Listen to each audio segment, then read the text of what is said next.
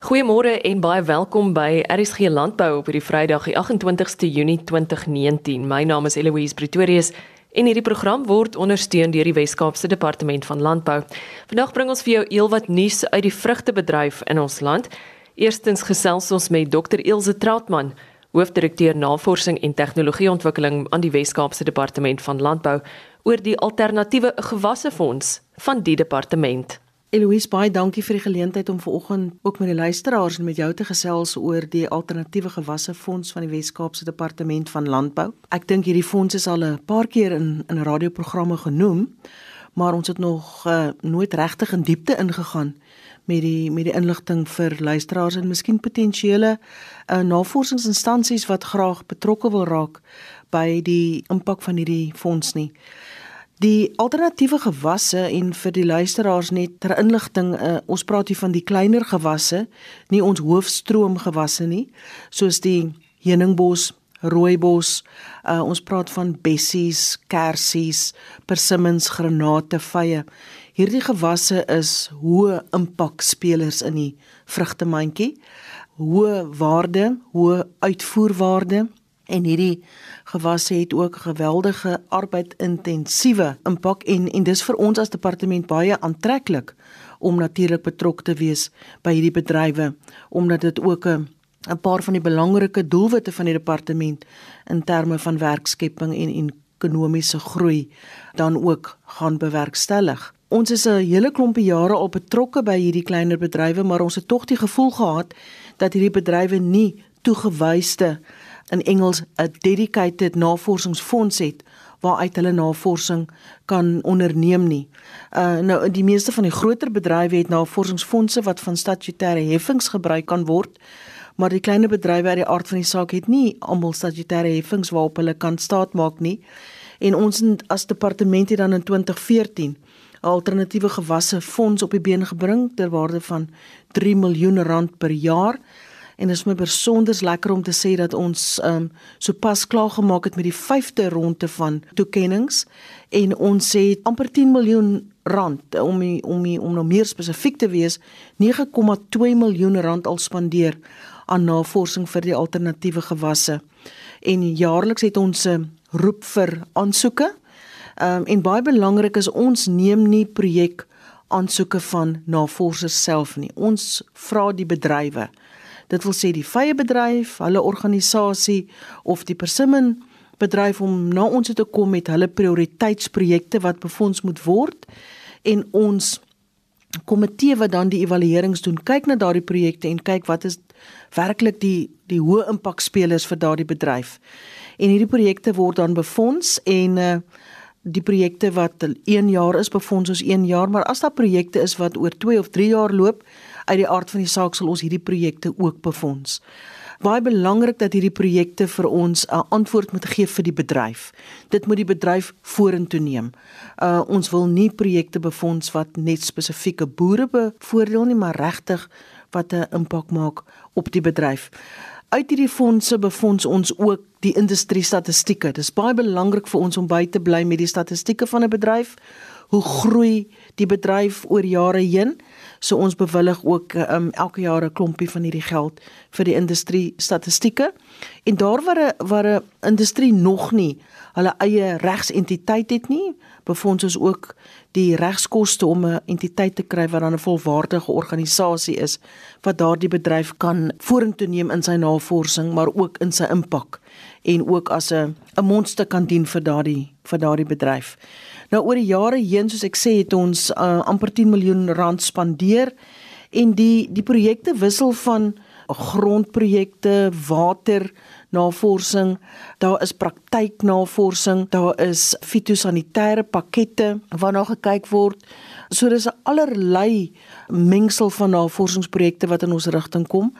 Ons is nie voorskrifklik as 'n departement en ons en ons keurkomitee in terme van watter projekte moet tafel toe kom nie.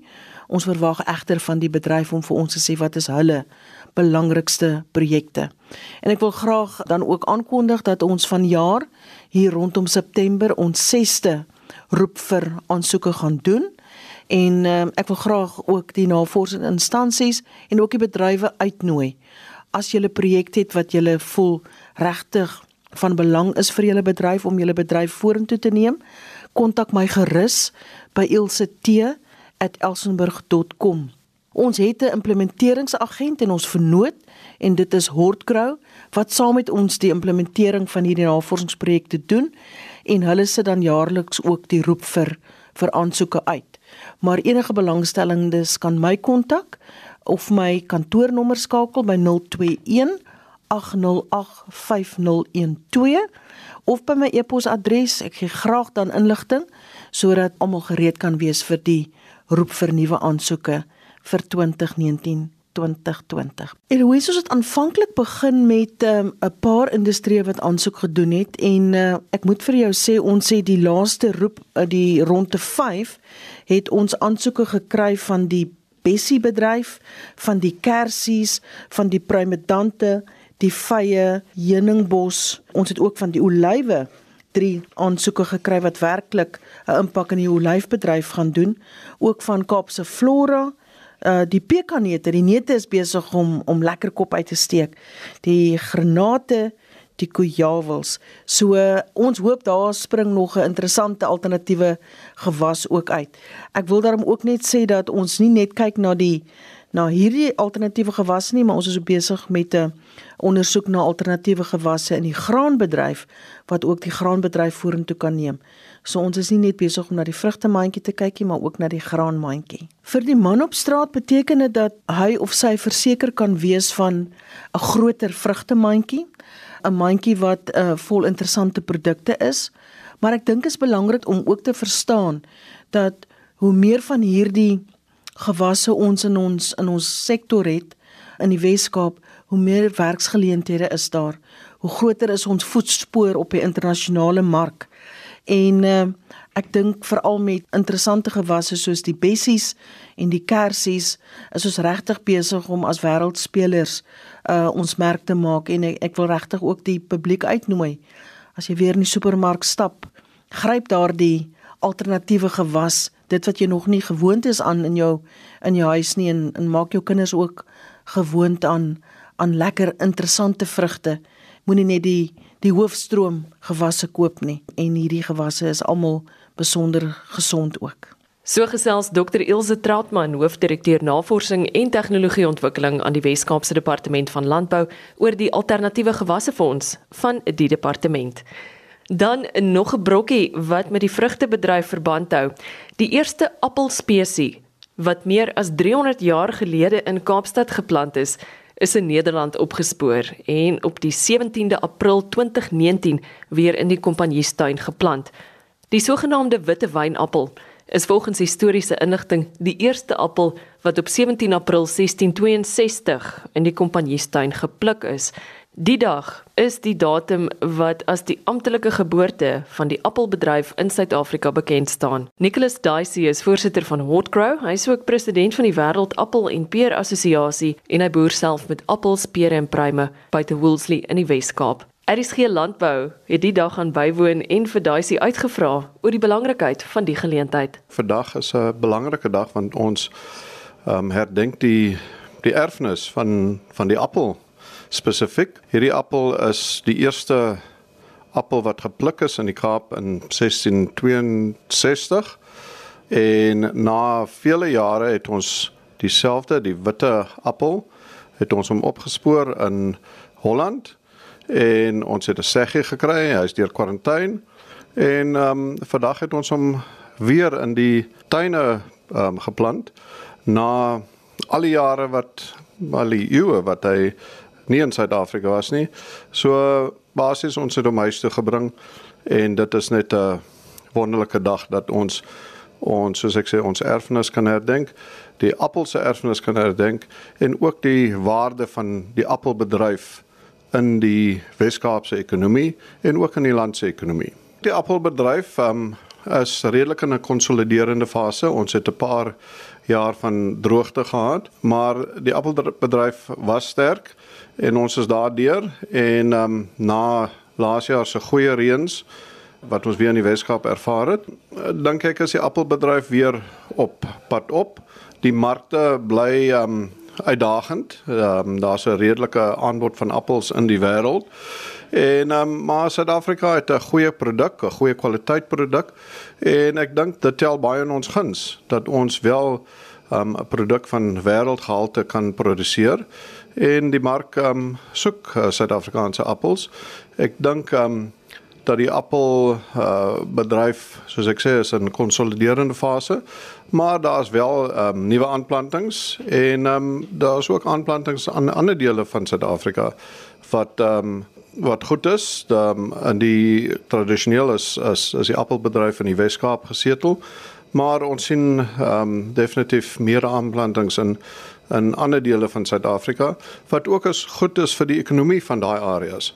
Daar is 'n goeie rede waarom hierdie boom in die Kompanjiestuin in die Kaap geplant is en dis nou waar dit vandag besigtig kan word.